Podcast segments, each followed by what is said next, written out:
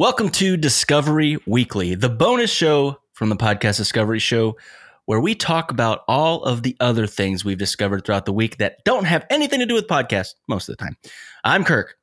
I'm Zach, and we are thrilled to have our friend and a, an amazing podcast host, Paul from Varmints, is joining us this week. Hello. Thank you so much for for joining us. We appreciate it. We've Thank been looking for forward to this me. for a long time. Heck yeah. Yes. Thank you. Uh, one more announcement, as you probably have realized by getting to this point in the show, you have listened to our new theme music, and that was done for us by Mr. Billy Mays III, also known as Infinite Third. Definitely check out his profile. Check out what he's doing. He streams on Twitch. Amazing guy. We'll have everything linked in the show notes. But yeah, Shout out we, uh, Infinite Third. yeah, we wanted Yes. to have some new stuff going this going this year. Yeah, no, and it's it's I don't know. I feel like it's so awesome to be able to have unique music that is made specifically for our show. It's awesome. It's exciting. uh, Yeah, I love that we're definitely able to do that. It's uh, it's a very uh, awesome opportunity. So this week, I I held off as long as I could from talking about it, but it's time to talk about NASA's Perseverance rover. Um, I I I think that everybody who has listened to the show knows that we are really into all of the kind of the stuff happening right now in space and all the science behind it. And this stuff with Perseverance rover is pretty amazing. And we're early enough now that everybody can watch what's happening. So it is supposed to arrive on Mars on the 18th of February. Oh, it's that close. Yeah, we're I didn't know it really close, close. now. It launched summer of last year.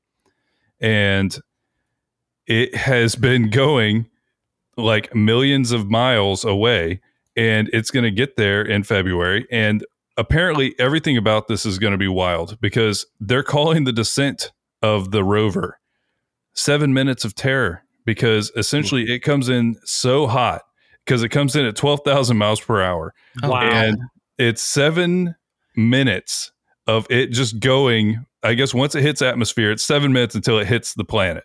And so that's that moment of like, okay, this has been Is traveling. everything gonna break? Yeah, is this all? is this all gonna fall apart here in the last seconds? Oh And- man. So what it does is it flies in and then it drops a parachute, and then the parachute kind of coasts for a little bit, and then it drops the rover, and then the rover lands. And the rover is also carrying something extremely cool. It is carrying a little tiny solar powered helicopter. Yeah, I was gonna say, is this one with the drone? Yes. What? It has so a cool. little solar powered uh, helicopter underneath it because they, and first of all, some of the scientists are calling this essentially like a Wright brothers moment. We have never flown anything on another planet. Ooh, I never thought about that. And the atmosphere is one one hundredth as dense as ours. So flying even off the Mm. ground would be like flying at hundred thousand feet i- on Earth. And so the amount of force that it needs for them to even get off the ground is crazy. So there was tons of science involved in trying to figure out how to even make this little helicopter fly. But the like the premise of it is you send the helicopter and it can take aerial photos and things like that, but also it can grab samples and bring it back to the to the rover. And it has like prompted this entire I guess like technical understanding and the testing cycle. So right now in Iceland, they're testing new drones that could be like the next iteration of this. And they're going to like fly it over I think they said it's like a 30 a 30 mile patch of like volcanic rock and they're going to have it go try and take samples. So really this is like we're seeing the first of something. There's going to be a drone on board this thing that's going to separate and fly around on Mars and all of that is a first and took a crazy amount of science and all of it is just so exciting to me. And everybody I'm sure there's going to be cool feeds from it. I'm sure there's going to be news coming out all about this and just keep an eye out because it should be another pretty cool thing with Perseverance rover. I'm really curious as to like a lot of the discoveries that we have in science like come from you know trying to make innovations for, for with NASA and stuff like that. I'm really curious if we might get some innovation in flight uh, stuff because we're having to learn how to fly in a much denser atmosphere. I, that that's fascinating to me. You know, maybe we can have uh, more efficient helicopters or you know drones or whatever. That sounds really cool. Yeah, could be. And I'm really glad that uh, I didn't. I had a NASA thing I was going to bring as well, so I'm glad I didn't bring it because uh, then it would have been just the NASA show. so I apologize if you've already mentioned it, but do they know like exactly what day and time that these seven minutes are going to happen so you can like hop on YouTube and watch Supposedly, it? Supposedly, it's supposed to happen. They're supposed to arrive on February 18th, is All when right. they're supposed to enter Mars atmosphere at 12,000 miles per hour. So, should be uh, a pretty interesting day on the 18th because yeah. there could be some really cool stuff happening afterwards. Yeah, and they've been really cool at you know doing live streams on YouTube and Twitch and twi- Twitter. It's it's so cool to be able. They've been so open now with, with with the way that we can live stream everything, and it's been really cool to be able to watch all of these launches and stuff like that. Um, I'll just I'll get on Twitch to watch someone play video games, and because we're in Florida, I'll see hey launch in three minutes. So I'll just walk outside, like hey look, there's a launch. it's so cool. hey, uh, hey Paul. Yes, sir.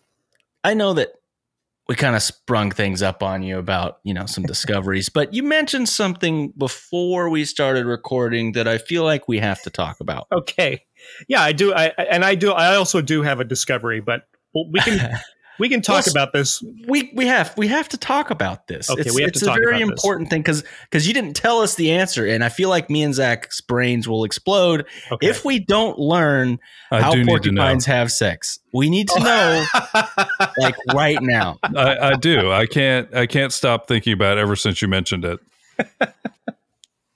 well, I mean, it's a little bit anticlimactic, but there's a few interesting things that happens. Okay. So the female will get up in the tree and she'll start making noise and she'll start producing a scent that attracts hmm. males. Um, she will not drop an egg until two males have arrived. And then those two males start fighting. Those fights get really brutal, by the way. They could like tear each other's ears off and stuff. They get really bad. But eventually, one male will win the fight.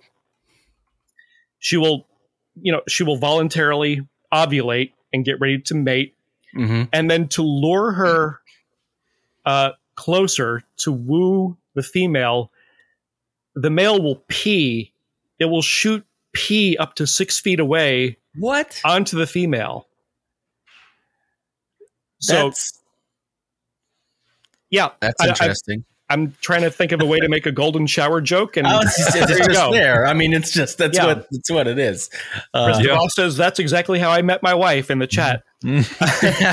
so, what's funny is he said that before you got to the to the to the, to the P part, but I'm just gonna act like he said that yeah. afterwards. so, after all that's said and done, all the fighting's done, all the peeing is done, and the female decides, okay, I am in fact ready to mate she will take her tail and kind of flip it back over the spines and flatten the spines down so that when the male oh. gets ready to do his ah. thing, he doesn't get a chest full of of quills. Hmm. Interesting. Interesting.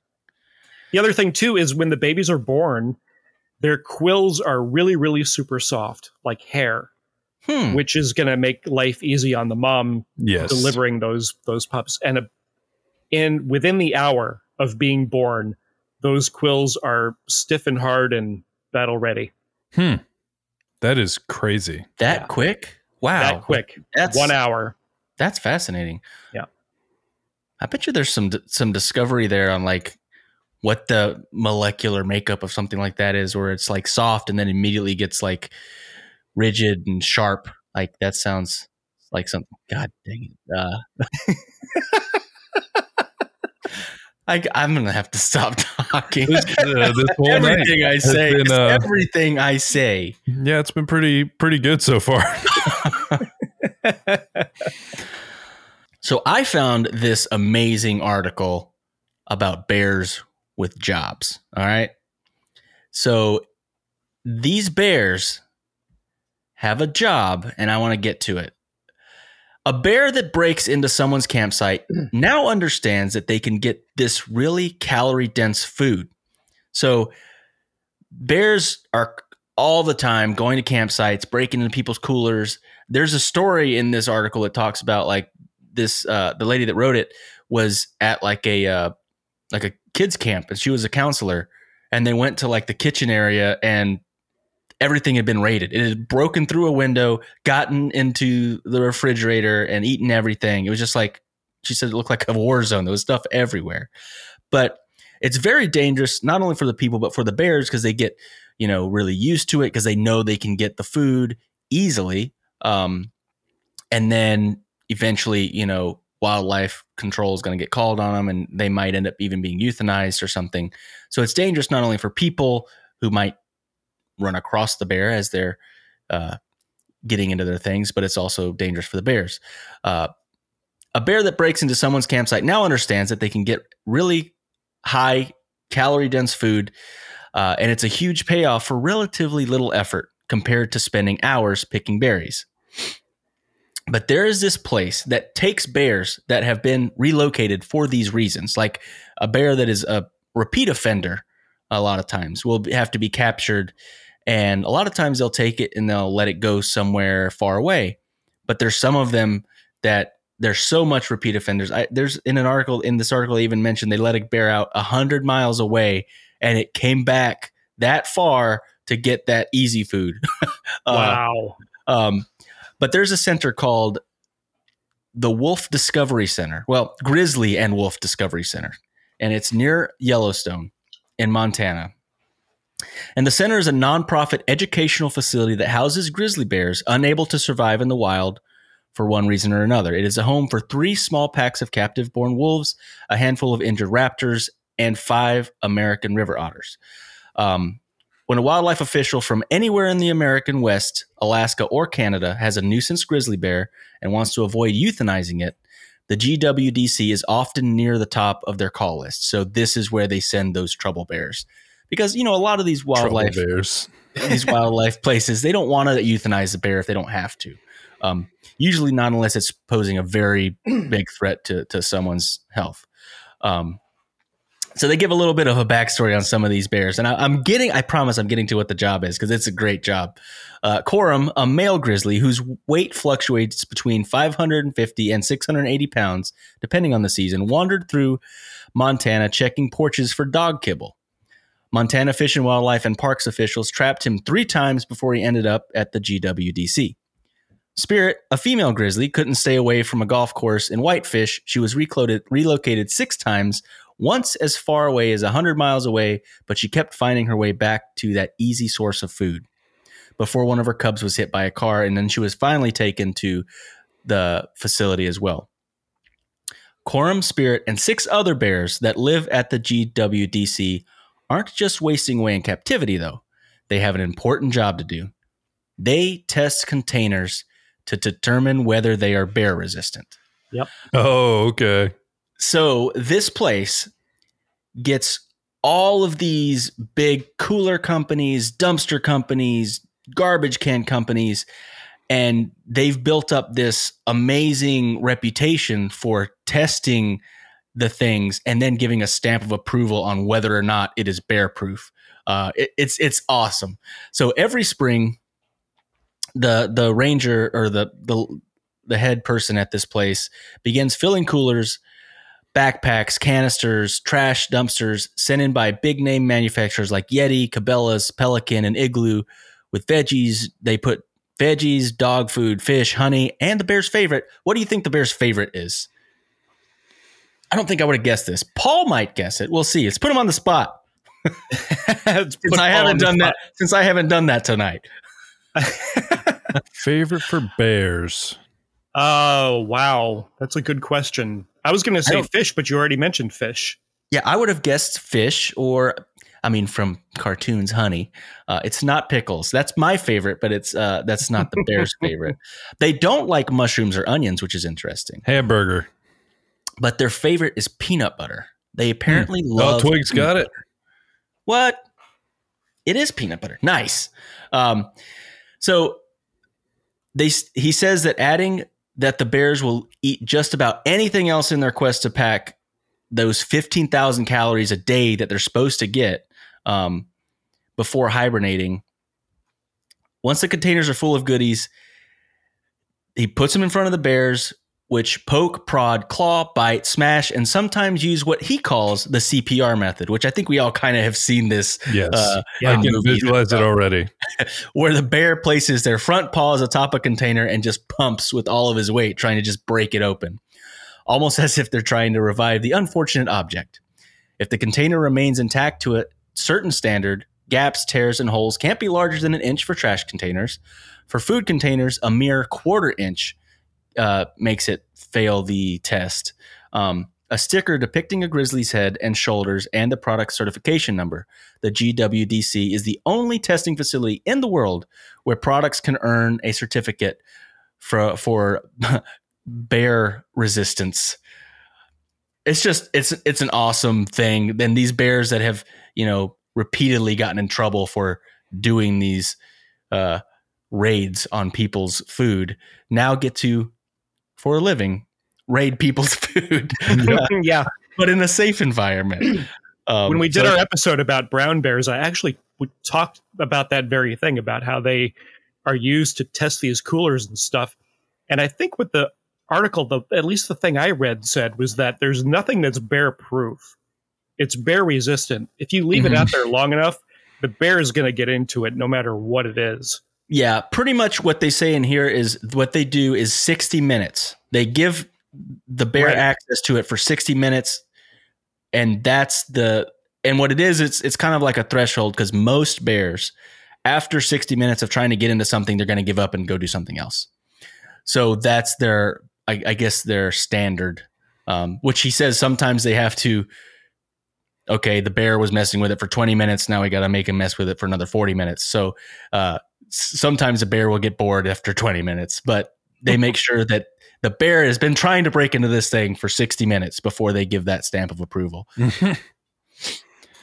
yeah, that's pretty amazing. I like to visualize just the the testing site with just a bunch of bears trying to get peanut butter inside of a cooler. It sounds pretty great.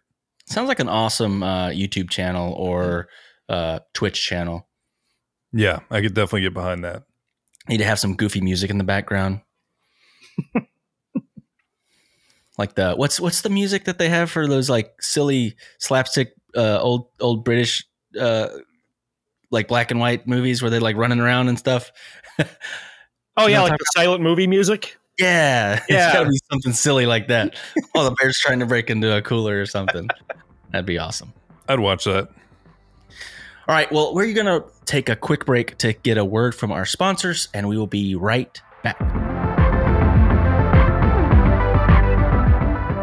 This episode is sponsored by the We As Start Talking podcast. The We As Start Talking podcast is a place for great conversations, topics, and stories from people just like you and me. This podcast is focused on changing the world, one conversation at a time. Each episode features a new guest along with their three hosts. They explore raw, honest, vulnerable, and fun subjects, all in an effort to start talking. I listened to a couple of episodes that were great, and I listened to where they interviewed Gary Arndt, a travel blogger who was an amazing, he had an amazing story of how he got into it and everything like that, as well as I listened to a two part special where they talked to the co founders of Tether, an app focused on breaking down the walls of toxic masculinity. If you crave truth, compassion, understanding, and real life stories, and you want to be entertained, then you've come to the right place. With episodes released on Monday, Wednesday, and Friday every week, there's always a great conversation waiting for you. The We As Start Talking podcast is available on Apple, Spotify, Google, or wherever you get your podcasts. Check out the We As Start Talking website at www.weas.ca. That's W E A S.ca. At the website, you can meet the host of We As Start Talking and feel free to reach out to the team and say hello. The We As Start Talking podcast, making the world a better place, one conversation at a time. So this is kind of similar to my earlier discovery, but it was just something that I was curious about because I keep reading about the uh, the Starlink internet, and basically that's Elon Musk is sending up satellites that are supposed to have enough coverage so that everyone will just have internet all the time. Is the theory. That'd be And- nice. It made me start thinking about GPS because really, when you look at how many things are using GPS every single day now, it's pretty incredible. But I hadn't really dug into how the actual system itself works. So the constellation is actually 27 satellites, and 24 of them are in operation at all times, and three are just there in case it fails. This was developed originally by the military, but how it works is through tri like trilateration or triangulation. So it finds your space you have a phone that has it. It pings to one of the satellites. It pings to three different satellites, and they see the difference in time to figure out approximately where you're positioned on the planet. And it is something that like we take so much for granted because it's just a part of our lives now with Google uh like maps and everything like that. But it's pretty accurate. You know, have you ever done any of those like running things where it it can track your path pretty well? Yeah, yeah. No, it, it is pretty crazy. I did not know it was just, I don't know why, but in my brain, it feels like it needs to be so much more than 27 uh, because the world's big. Yeah, the, world is Earth big. big. but yeah, no, um, that's fascinating. Yeah, no, So, and they uh they I'd like they to have them a picture of like where they're like all spaced because I'm curious, like what it, it's got to look pretty nuts, like the way that they're all yeah, I probably don't have see anything with their orbits. sync and stuff. But yeah, they do have uh, essentially orbit paths so that in theory what they want is for you to be like within viewing distance of 3 at any time no matter where you are. You know what I mean? So they try That's and have what them blows my mind is that rotating with around. just 27, we are basically always within view of three of them. Yeah, and there's blows my mind. there's a lot of stuff on these satellites because now we use these for more than that. So each of these satellites also has atomic clocks on them. And first of all, I, I, have, I this is another one of those things I kind of went down a rabbit hole of discovery here. Do you know what an atomic clock is? No, I was about to ask, what is an atomic clock, Zach? They literally use radiation to calculate time. So they have figured out that let me let me figure out which uh it's caesium 133 and one atom of it in a precisely defined state oscillates 9 billion 192 million 631,770 times. So they use that to track it. And first of all, I don't don't get me wrong, I don't understand the science of like how you could possibly track hmm. this, but that's what they do. They literally use radiation and how quick it oscillates to try to maintain time because That it's very. So is it supposed to be like more stable and like more accurate or something? Yes, you you lose less time. Uh, so essentially, after nine million, you know, plus or nine billion plus oscillations, uh, one second has passed, and it's very very Wow. precise, and you don't lose any like time on it. You essentially, I think. Let me see if I can find this real quick. They had it on here. I just can't find it. But I, I think that it would take millions of years. Oh, here it is with the atomic clocks, there's one in Boulder, Colorado, that you lose. There's a one second error within a hundred million years. What? So, like, it's very, very close. And it's literally those satellites are essentially there's a network of atomic clocks that keep time so that hmm. everything, everybody on the planet is on the same time. There's 400 atomic clocks that do it. And they are That experimenting. my iPhone clock? Yes. uh, but basically, they're also working on a new type of clock that's based on light. And in theory, it's going to be even better than radiation because they're going to do the same thing measure oscillations of like an atom of light. All of this is like crazy science, but they expect that the like the the deviation on this clock is 1 second in 15 billion years. Jeez. So like it's going to be even better. How did so- you, can they just say that there's no deviation? Like, Yeah, come you, on. you could at some, at some point. Uh, nobody's going to see that 15 billion years later. Like they're not going to call you on it. I don't think. just That's to kind of tag on to what you were saying, and I, I put the link in the chat. If you go to inthesky.org, you can see a real time map of the world. You can see where every single satellite is right now. Let me grab this And link. there are a lot of them. But yeah, it's definitely. Uh, we've talked about it a couple times on the show before too. Is that one of the current problems they're dealing with is the amount of trash in orbit around the planet Mm. because we've just had so many satellites and we've had so many little projects that haven't gone exactly correctly and yeah that's it's pretty crazy to look at that as That's a, what I wanted to see because that's crazy. we're gonna we're gonna throw that within the show notes too so yeah Mm-hmm. paul just showed us this really cool link where you can take a look at how many satellites are directly above your head right now Yep. Right now, 92 spacecraft in orbit all over the place. pretty cool Yeah. No, I'm looking at it. I'm looking. Sorry, I got sidetracked now. I'm like hovering over to see what all their names are. Bunch of GPS. They got satellites. They got. See what's this thing? Lemur two Dajara. Navstar seventy seven. Rad. I'm gonna start naming them all. No, I'm gonna stop doing that now. Closing that. No, that's awesome. All right, Paul. So I think that's going to be your discovery now, and then I'll close this out with uh with our Underground Railroad story. My my discovery this week is in the form of a question. I have a question to ask you guys. Mm. mm-hmm. Now you're going to put us on the spot. Okay. That's right. Yeah. Put you guys on the spot. You were talking about golden kiwis. Uh huh. oh yeah episode, which I really want to try one of those. And I thought to myself, when you guys eat a regular kiwi fruit, do you peel it first? I don't peel it. I cut it in half and eat it like a ice cream. But I've I've heard that you can eat it, but I've never eaten the fur. Well, I don't even know if they call it the fur, but it's a it's a furry little berry. The fuzz, yeah. No, So I I do I don't peel it first. I cut it into quarters, and then I like use a sharp knife and just barely shave off the uh wow. the. You have just- time for that? yeah, that's the way I do it. I eat those I- like I an cut it- apple. Do you? really? Oh yeah. What's it like You're eating an the fur? animal. It's just I mean, I don't know. There's not much of it. Do you like eat sunflower seeds and eat the shell too? Oh, that's different, Kirk. Come on. Well, I know people that do that. I was just wondering. you do? yeah.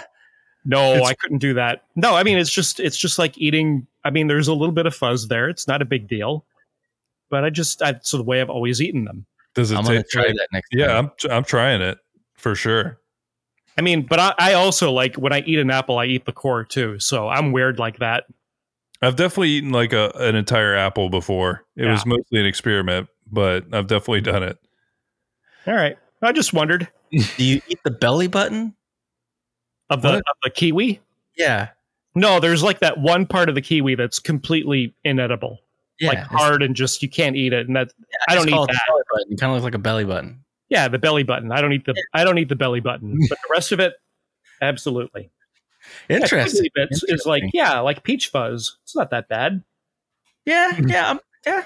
Yeah, I'll Hmm. try it for sure. yeah, I, I could. I don't know. Can't be that bad. Interesting. Well, guys, when this comes out, it's going to be the beginning of Black History Month. And I'm going to get on my soapbox for a second because all I know is that when I went to school, I didn't learn near enough about Black history at all. Like, at all. And I realize that now as an adult, going back and having to learn it myself. Um, and shame on us for not teaching it so that we don't and I feel like that is part of the reason that there's so much racism that still exists because we didn't learn from our freaking mistakes and see how stupid it was. Um, I don't want to get too much into that, but yes, for sure, that's the way I feel. Um, but recently, by the way, one of my discoveries, I, I listened to a book on Audible because it was for free during uh, MLK Day, and I listened to a book. I think it was called The Radical King, and it was about him, and it was read by these amazing voice actors. There was only one that took me out of it a little bit, and it was because Wanda Sykes was one of the readers. Sure.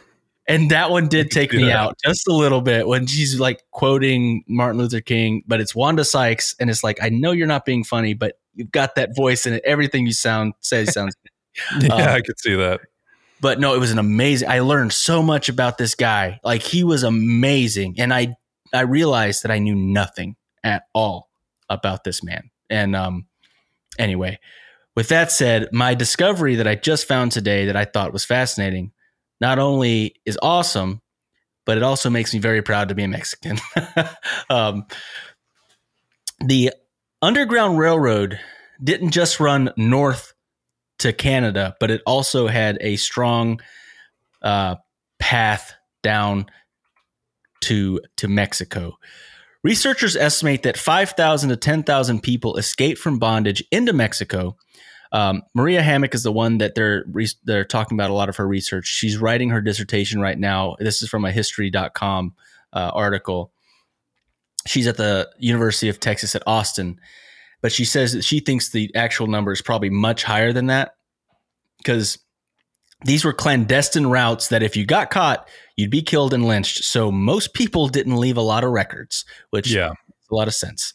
Um, and there's some evidence that Tejanos or Mexicans that were living in Texas acted as conductors on the southern route by helping people get to Mexico. Hmm. This is a very fascinating article. Um, I'm not going to read all of it, but I do want to touch on a few of the points. Uh, it says fugitive slaves, fugitive enslaved people got to Mexico in many different ways. Some went on foot, while others rode horseback or snuck aboard ferries bound for the Mexican ports. Stories spread about enslaved people who crossed the Rio Grande, dividing Texas from Mexico by floating on bales of cotton. And several Texas newspapers reported this in July 1863 that three enslaved people had escaped this way. Even though it's logistically impossible, the imagery of floating to freedom on a symbol of slavery was actually very strong. Uh, that is very fascinating. Yeah, And- I could see that. Slave slaveholders knew that enslaved people were going to Mexico, and the U.S. tried to get Mexico to sign a fugitive slave treaty, just as the Fugitive Slave Act of 1850 had compelled free states to return escapees to the South. So basically, they were saying, hey, if you catch a slave that's escaped, you need to return them because they're property. So messed up. Uh, the U.S. wanted Mexico to return escaped slave people to the U.S., but Mexico refused to sign such a treaty, treaty, insisting that all enslaved people were free as soon as they stepped foot on Mexican soil. Viva Mexico! Uh, um, Hammack and the researchers have also identified a mixed race family from Alabama, and I kind of did this one because our boss's name is in here, and I think it was crazy. A mixed race family from Alabama who moved to southern Texas near the Rio Grande and helped enslaved people escape to Mexico. The wife, Matilda Hicks, was a formerly enslaved woman, and her husband, Nathaniel Jackson, was the son of the man whose plantation she used to work for. Uh, so this was one of the families literally moved there to help conduct people to Hmm. safety across the border. And there's a there's a lot more to this story and um, in this article, and it, but it's just it was just one of those things. Like I had no clue, and I learned today about the Underground Railroad that used to go to Mexico and how a lot of slaves would go to Mexico where they could be free. And I just thought it was fascinating. Yeah, definitely is. It's incredible. Wow, that is really cool. Well, guys, I I will encourage you all to go learn a little bit about uh, Black history because it is it's fascinating.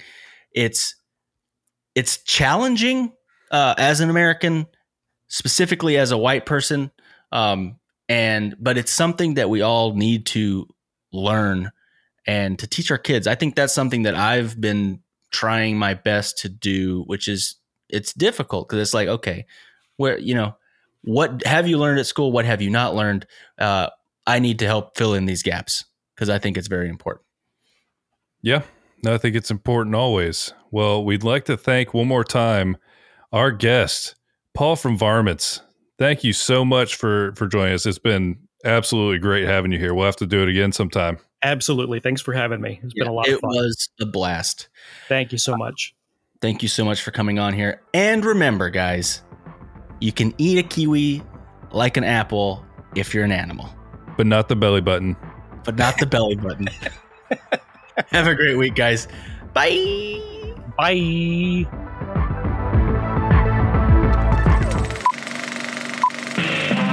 This was a podcast from the Podfix Network. You can check out more shows like it oddfixnetwork.com.